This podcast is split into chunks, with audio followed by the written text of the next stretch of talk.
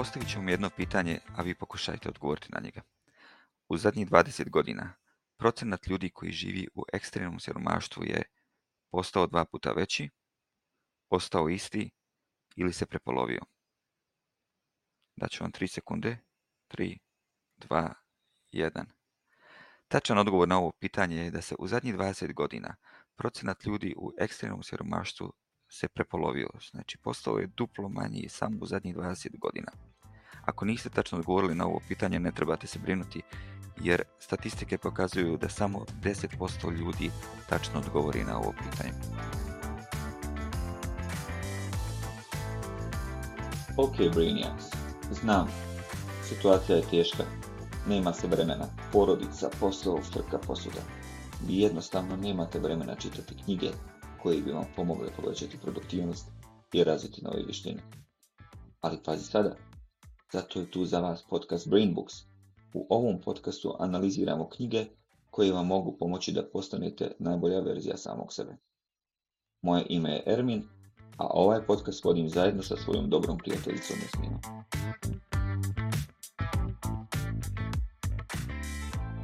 Moje ime je Smina, i ovo je prva knjiga i prvi podcast koji ćemo predstaviti ovaj put. Radi se o knjizi Faktologija Hans Ronslinga. Za ovu knjigu je i Bill Gates rekao da je to jedna od najbitnijih knjiga koje je pročitao te nužan vodič za jasan pogled na svijet. E, ova knjiga je jedna koja je zapravo otvorila mnogima oči i bilo bi šteta da puno ljudi ne sazna za nju i u našim prostorima. Tako da smo je Erni ja odlučili predstaviti vama. Sam podcast e, će biti o tome šta je zapravo začeno u knjizi. E, obradit ćemo e, glavne instikte koje zapravo utječu na naš pogled na svijet i na kraju podcasta ćemo dati i određene preporuke koje možete vi svom životu implementirati. Osim preporuke Bill Gatesa, Jasmina, što je utjecalo na tebe da, da odaberemo ovu knjigu za današnji podcast? Pa između ostalog, e, kako je mene knjiga fascinirala, iako sam ja od Hans Roslingu koji je napisao ovu knjigu, inače ugledni švedski liječnik i statističar, držao je dosta govora u UN-u i u Svjetskoj banci na drugim prostorima gdje je zapravo htio objasniti ljudima zašto imamo iskrivljenu sliku o svijetu, zašto je svijet puno bolji nego što je zapravo naša percepcija. I kad sam se s tobom srela prije nekih par mjeseci, zaključili smo zapravo da govorimo o istoj knjizi i zašto nas je fascinirala. Fascinirala nas je zapravo prvenstveno jer donosi puno fakata i objašnjava ljudima nešto što zapravo svi bi mi trebali znati.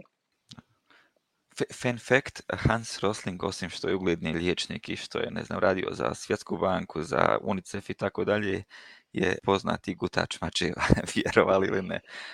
Ali kad smo, kad smo, da se vratimo na knjigu, znači knjiga je, on je napisao je skupa sa svojim sinom i sa svojom snahom. Kome bi knjiga mogla biti namijenjena? Pa e, gledajući zapravo jako bitno da e, ljudi koji su edukatori, koji rade u obrazovanju, svakako novinarima da probaju vidjeti neke činjenice koje također su bitne pri njihovom pisanju ali poslovnim ljudima da vide gdje su poslovne prilike. Tako da bih ja rekla da ova knjiga je namijenjena svima nama jer nam daje stvarno ono uvid u puno toga. On, ono što je interesantno u ovoj knjizi je da knjiga počinje sa jednom anketom od 13 pitanja. Kada budete čitali knjigu, vi odgovorite na tih 13 pitanja i nakon tih 13 pitanja dobijete, dobijete tačne odgovore. Hans Rosling je napravio knjigu, napravio taj tu istu anketu na 14.000 sa 14.000 ljudi, znači testirao je na 14.000 uzoraka i većina ljudi je odgovorila u principu na sva ta pitanja jako loše. Iako su pitanja vrlo jednostavna, imaju tri ponuđena, ponuđena odgovora koja se diametralno razlikuju poput ovo kojih sam vam postavio na početku našeg podcasta. Ono što Hans Rosling kaže je da je ta ista pitanja postavio Majmunima ili čipanzama i dao im tri banane na kojima piše ABC, statistički majmuni bi imali 33% tačnih odgovora. 80% ljudi na tom kvizu je ovaj, imalo loši skor nego čipanze. Ovaj, pa, Hans se nakon toga zapitao, ok, za, zašto je to tako i zašto mi svijet vidimo tamnijim ili crnijim nego, nego što on to stvarno jest. Da, to je ono zapravo zanimljivo, zato što je on to i naglasio čak i kada je postavio i dao činjenice e, koje su znači podaci iz Svjetske banke, iz UN-a, iz UNICEF-a, znači konkretni točni podaci, čak i kada ih je predstavio slušateljima i gledateljima, e, oni su i dalje zadržali neke te stare stavove. Nakon toga je zaključio da to nije više pitanje inteligencije, nego da je to zapravo veliki pas uzrokovan našim instinktima. I zapravo čitava knjiga se sastoji od deset poglavlja gdje on glavne instinkte koje utječu na naše viđenje obrazložio prilično detaljno na zabavan način sa vizualnim prikazima gdje ajmo reći neko će ti dosadni statistički prikazi ili bilo šta.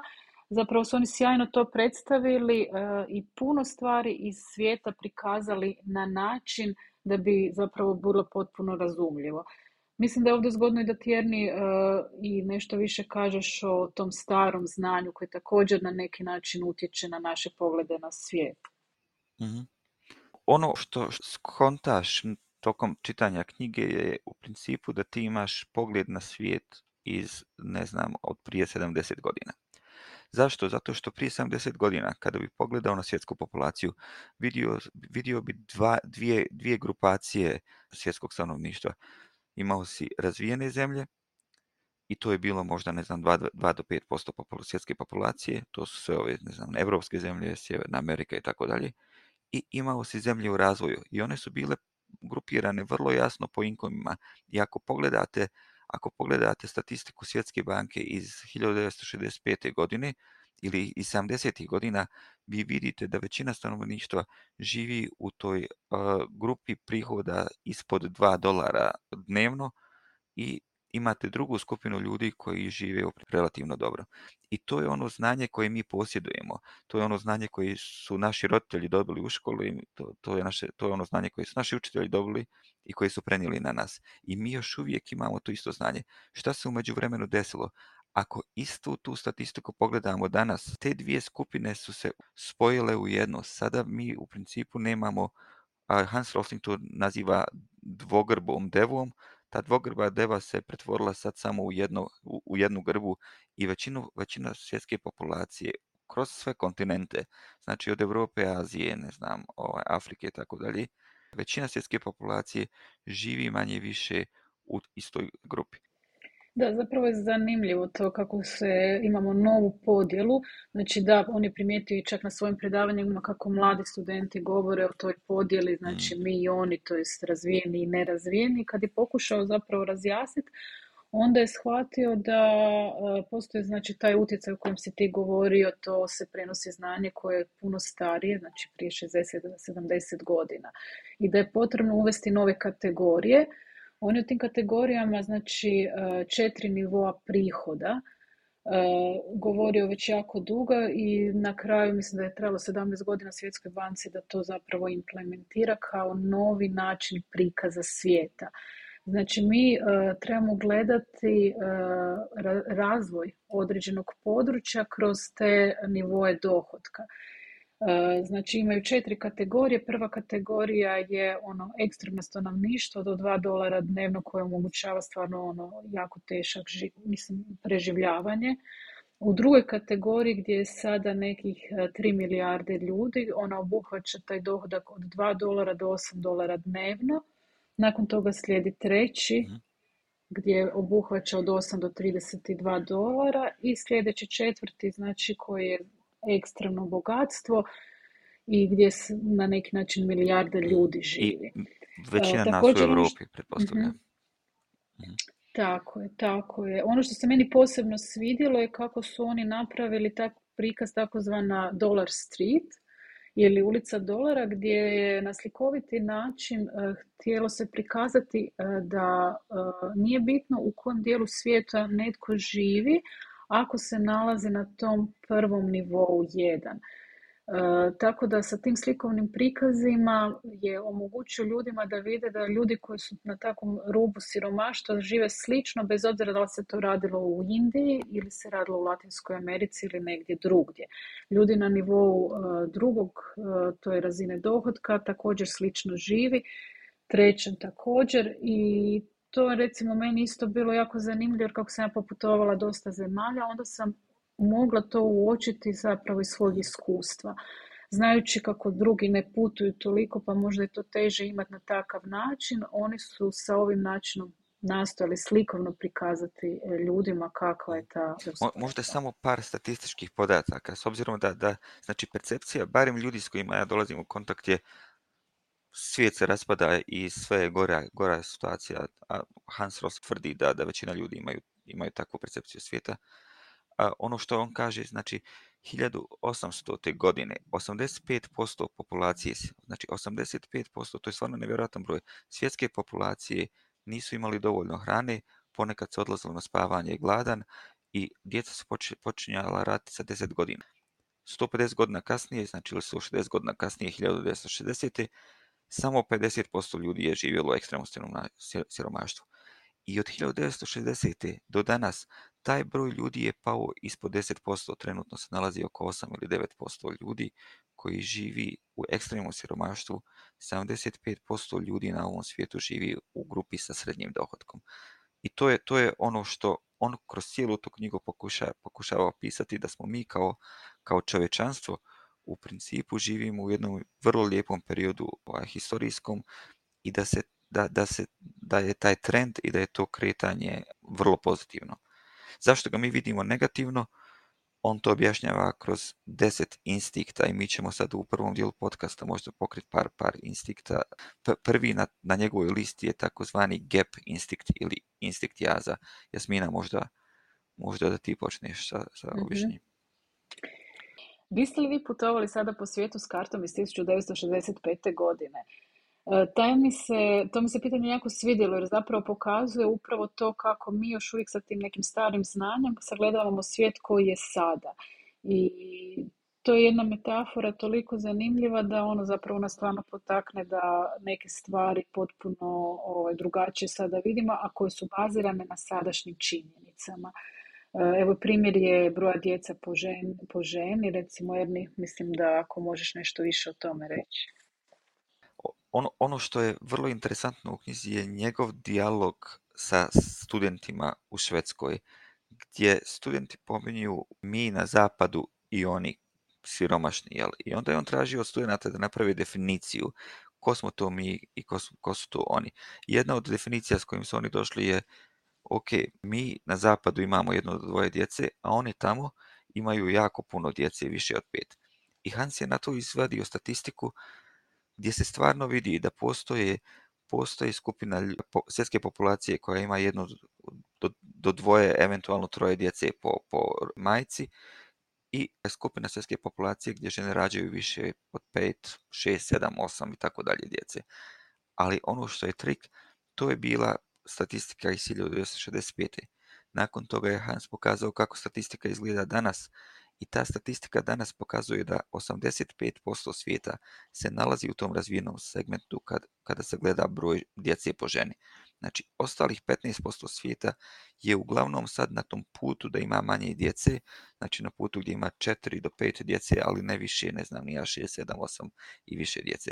Ono što on kaže, iako se svijet promijenio, znači, i to po svim segmentima, naš pogled na svijet se nije promijenio, pogotovo kod nas europljana. Znači mi i dalje gledamo na svijet sa, pogledom od, od prije, ne znam, 60-70 godina. I ovaj isti prikaz koji sam ja sad napravio na, sa, sa brojem djece po, po ženi, po majci, se može primijeniti na skoro sve, na prihode, na demokratiju, na školovanje, na zdravlje. U, svugdje je taj gap, taj, taj jaz nestao i u principu smo se spojili u jednu vrlo sličnu skupinu. Znači 75% ljudi danas živi u tom nekom segmentu srednjih prihoda i imamo vrlo sličan život. Da, apsolutno se slažem i tu se sad možemo nadovezati na ovaj drugi instinkt gdje govori o tom negativističkom instinktu. Svi mi smo definirani sa medijima koji dosta izražavaju negativne stvari, zato što jednostavno pozitivna vijest, vijest je rijetko kada vijest. E, uvijek će više ljudi kliknuti na nešto što je negativno i dobit će puno više medijskog prostora neka negativna vijest, iako kada se uspoređuje ne mora uvijek biti da je to nešto što je stvarno dominantno, nego mu se samo zapravo daje nešto, neka e, veća pažnja. Našu, pažnju, kao što se rekla, privlače loše, loše vijesti. I spori progres sam po sebi nije tako atraktivna vijest. Znači, većina pit, ispitanika na, na direktno pitanje da li mislite da je svijet bolje ili lošije mjesto za život, više od 50% ljudi je odgovorilo da je svijet postao gore mjesto za život. Pritom, čak i statistika prirodnih katastrofa u zadnjih 100 godina pokazuje nešto drugačije. Znači, na njegovo pitanje da li se broj poginulih od prirodnih katastrofa u zadnjih 100 godina uduplao, prepolovio i ostao isti? Broj ljudi poginulih od prirodnih katastrofa u zadnjih 100 godina se prepolovio. Znači broj prirodnih katastrofa je vjerojatno ostao isti. Možda se broj prirodnih katastrofa i povećao, ali broj ljudi koji umire se prepolovio. interesantno je da je ponovo da su čipanze i majmoni su bili bolji od ljudi jer je samo 10% ljudi odgovorilo točno na ovo pitanje. Da, zapravo je zanimljivo to gledati kako je to prilično negativan stav prema, prema stanju u kojem se nalazimo. Recimo, to je i zanimljivo kada gleda se kakva je Švedska bila 1921. godine. E, I on izjave izjavio poput današnje Zambije. Nama je zapravo teško e, shvatiti da samo, ne znam, 100 godina ranije je nivo Švedske bio na tom nivou. A da ne govorimo o migracijama iz Europe u 19. stoljeću, dosta ljudi zaboravlja taj dio prošlosti, rada djece u rudnicama, pa tvornicama, pitanje ženskih prava. Znači, kada imamo taj negativistički instinkt, ja razumijem da, vje, recimo, vijesti dosta utječu na nas, ali da ta perspektiva se treba raširiti, ne znači da trebamo zatvarati oči prema stvari koje treba korigirati, ali svakako gledati širi kontekst. Tako da s te strane mislim da je to mhm. strašno bitno.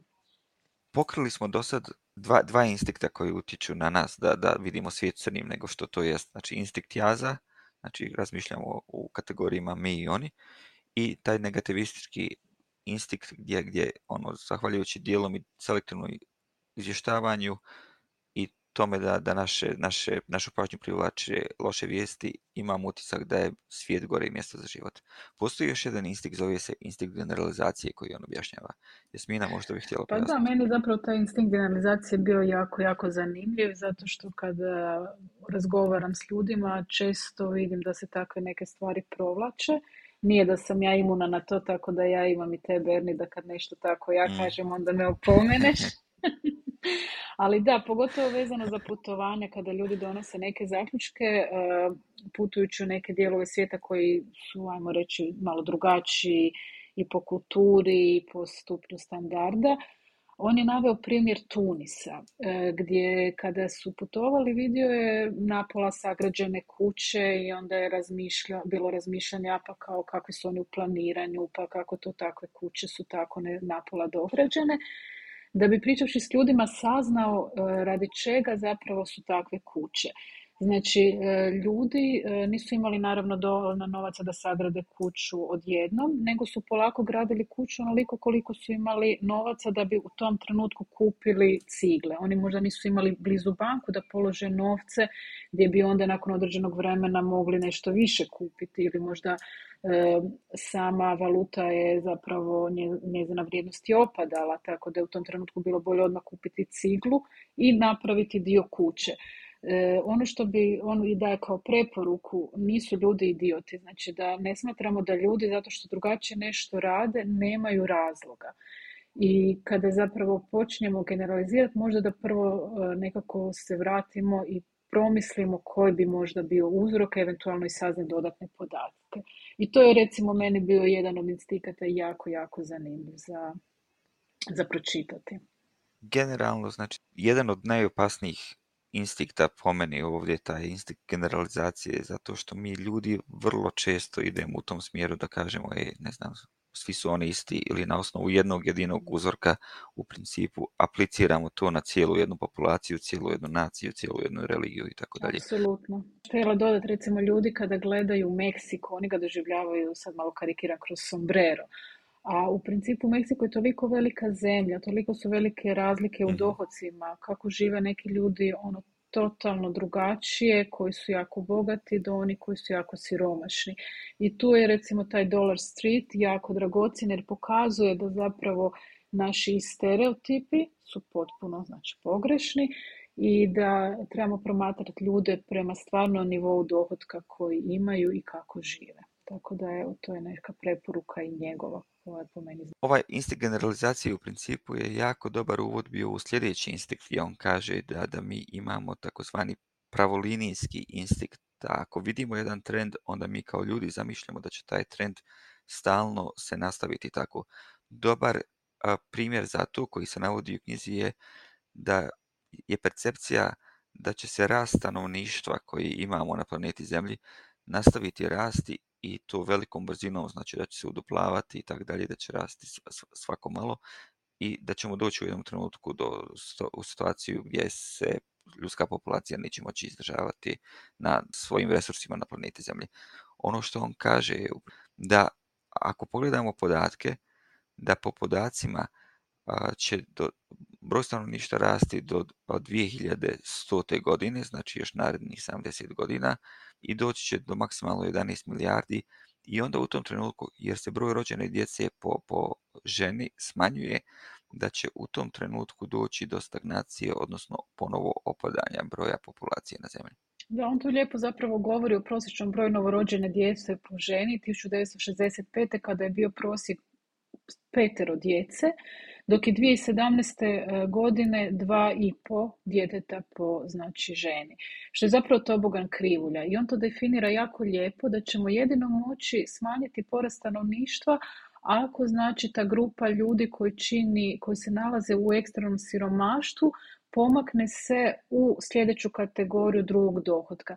Jer samo po sebi žene što postaju obrazovanije, e, što su spremnije za rad, taj broj e, djece se smanjuje. I to je ono što je zapravo jako zanimljivo i jedan od tekova sigurno iz knjige da kako ljudi žive nije definirano kulturom, religijom i mjestom, nego njihovim dohotkom to se vidi jako dobro i kod broja djece. Tako da evo, to je recimo ono što se meni isto svidjelo. A evo možda Erni da je, e, jako je zanimljiv ovaj primjer u Bangladešu gdje on govori o tim detaljima malo i više. E, dobar primjer je stvarno o Bangladeš, jel? Gdje, gdje se kaže da je prije, prije ravno 50 godina u Bangladešu je žena u prosjeku imala sedmero djece. I Očekivanje životnog vijeka tog djeteta koje je bilo rođeno 72. godine je 52 godine. Danas u Bangladešu žena ima u prosjeku samo dva djeteta i očekivani životni vijek za novorođenče koje se danas rodi je već 73 godine, što je u principu za 50 godina jedan onako tektonski ili kvantni skok za, 20, više od 20 godina se prosječan životni vijek popravio u Bangladešu. Znači, Bangladeš je samo kroz tu statistiku iskočio iz tog levela jedan zemalja ovaj, ekstremno siromašnih i sad se već nalazi u level, level 2, znači u nivou 2 zemalja. Da, apsolutno. Jer ti kad pogledaš recimo 1800. godine, prosječni životni vijek je bio 31 godinu, što sada nama apsolutno je nevjerovatno kako su ljudi živjeli u to vrijeme, a sada je prosječni životni vijek oko 72 godine. Između ostalog, zašto su ljudi rađali toliko djece? Pa naravno, zato što je e, puno više djece umiralo, ne bi dosegnuli ni do prve godine, pete godine, a to je sve bio neki razlog zašto su ljudi imali toliko djece. Mhm. I, I, tu moram ponovo navesti jednu statistiku, znači ja, ja sam ono ostao zapanjen.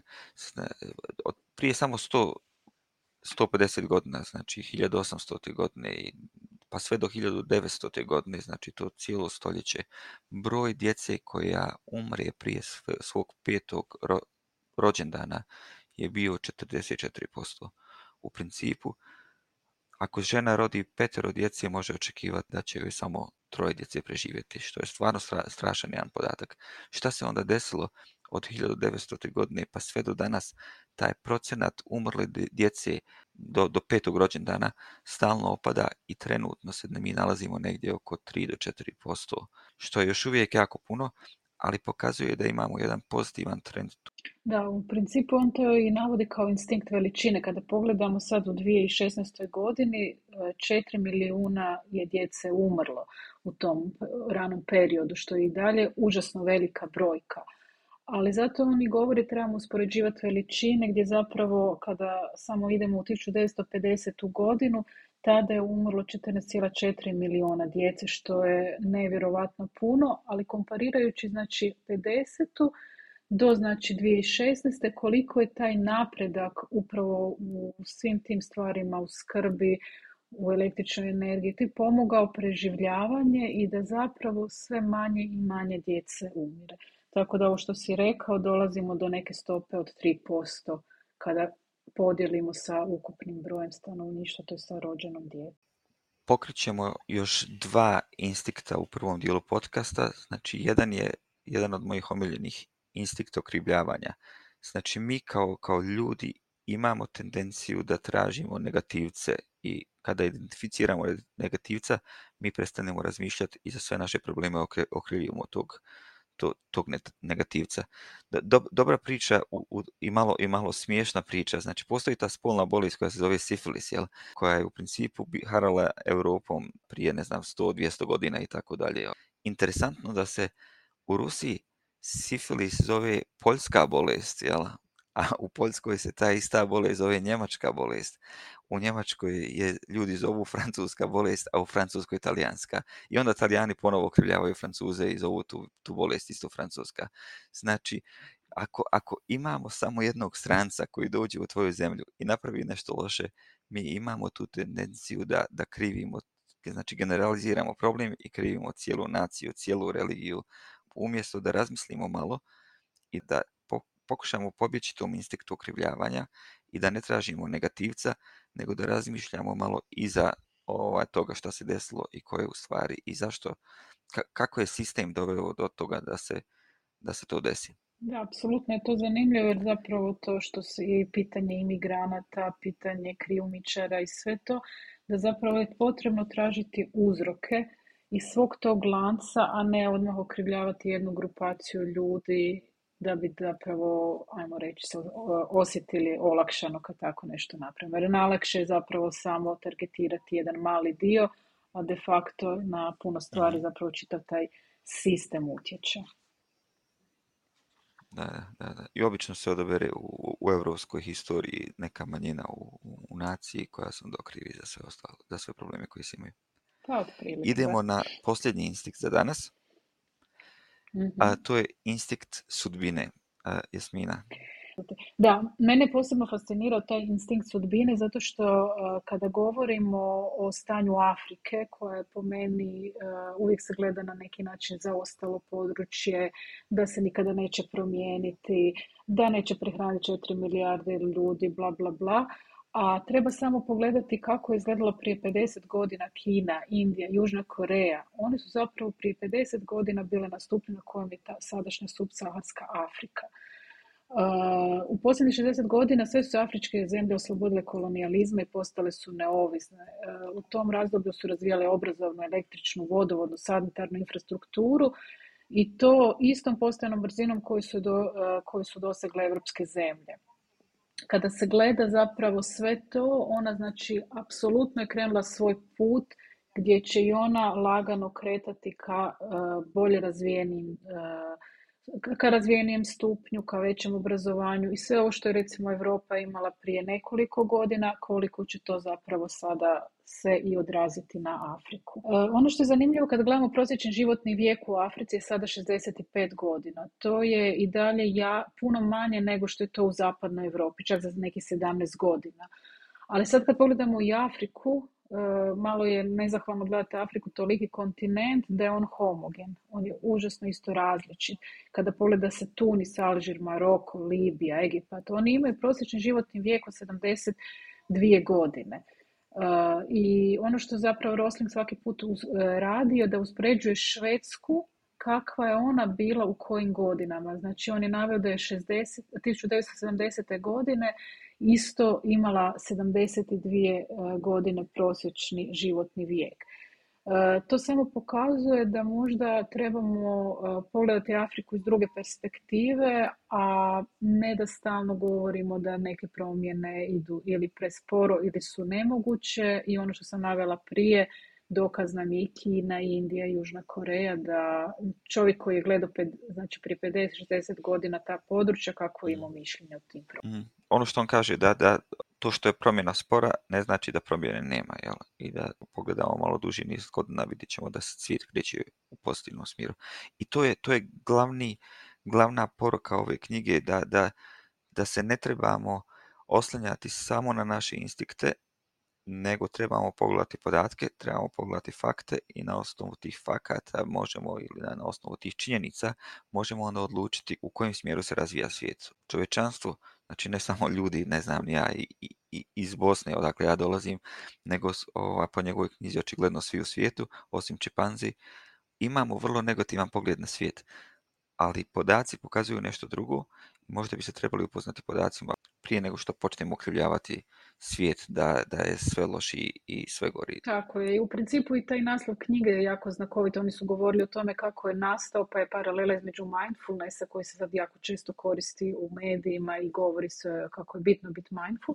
Oni su i tako nazvali knjigu factfulness eh, ili faktologija na našem, gdje zapravo eh, trebamo osvijestiti koliko je bitno eh, vladati stvarnim činjenicama i svoje znanje obnavljati što više čitati neke, e, na, naći podatke koje govore o promjenama u svijetu, jer svijet nije isti kao i 65. i ne bismo putovali nekom starom mapom u grad koji se potpuno promijenio u zadnjih 60 godina. Mi smo iznijeli jako veliki broj činjenica tokom ovog izlaganja, znači procente, ne znam, broj rođene djece, prosječnu starost i tako dalje. Potrućemo se da podijelimo sve ove linkove u narednih nekoliko dana preko naših socijalnih medija, uglavnom preko Instagrama, i gdje ćete i vi imati mogućnost da, da dobijete uvid u te neke činjenice kao i linkove na Gapminder i, i na Dollar Street. Da, svakako bi preporučila ako je ikako moguće pogledati e, Hans Roslinga kada govori e, na ted kada, jer njegove prezentacije su jako životopisne. Možete vidjeti grafove Eh, kako vremenske, velike vremenske periode pokriva na vizualan način i dobiti dojam zapravo promjene svijeta. I to što je mi rekao da ostavit ćemo linkove, svakako možete testirati svoje znanje, ali bez obzira na sve ja bih sugerirala čitanje same knjige jer mislim da stvarno eh, je neka stvar koja će vam pomoći u životu gledati neke stvari drugačije. U drugom dijelu podcasta ćemo za, za dvije sedmice pokriti savjete i trikove kako se možete boriti protiv tih negativnih instikta i u principu kako ih možete iskoristiti da vidite svijet onakav kakav vam stvarno